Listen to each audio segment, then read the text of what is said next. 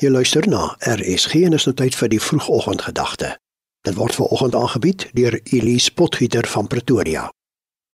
Jy kan nie na geluk reis, dit besit of verdien nie. Nee. Geluk is 'n geestelike ervaring waarin jy elke oomblik leef in liefde, dankbaarheid en genade. Goeiemôre luisteraars.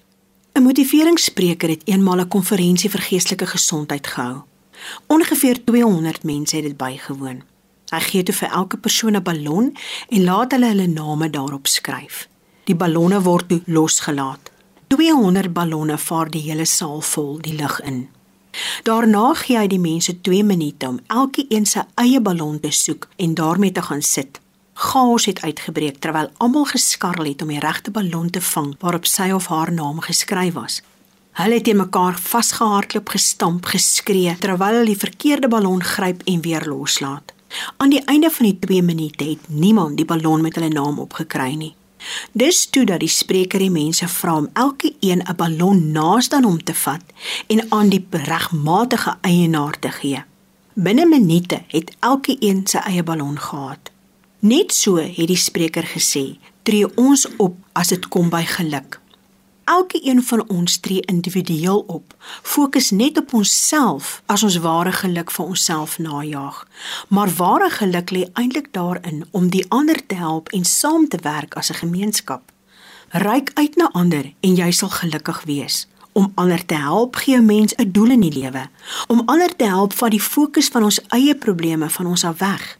Die geskarrel en die spanning om ons eie ballon van geluk te soek, verg soveel energie dat daar skaars iets oorbly om van te leef. Maar die gevoel van omgee vervang die gevoel van benodig. Om vir ander te gee, gee ons 'n goeie perspektief op die dag-tot-dag -dag uitdagings wat almal van ons elke dag moet troef. Maar sekerlik die belangrikste eienskap van uitreik na ander is 'n gevoel wat God ons gee.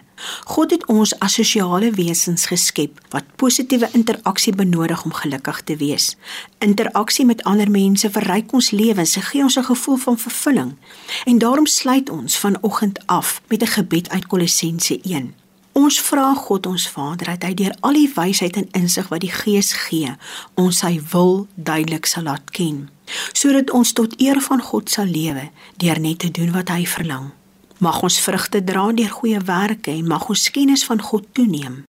Mag God deur sy wonderbare krag ons alle sterkte gee om in alle omstandighede geduldig te volhard en mag ons altyd dankbaar teenoor God Almagtig wees. In die naam van Jesus Christus bid ons dit. Amen. Dit was dan die vroegoggendgedagte hier op RSG, aangebied deur Elise Potgieter van Pretoria.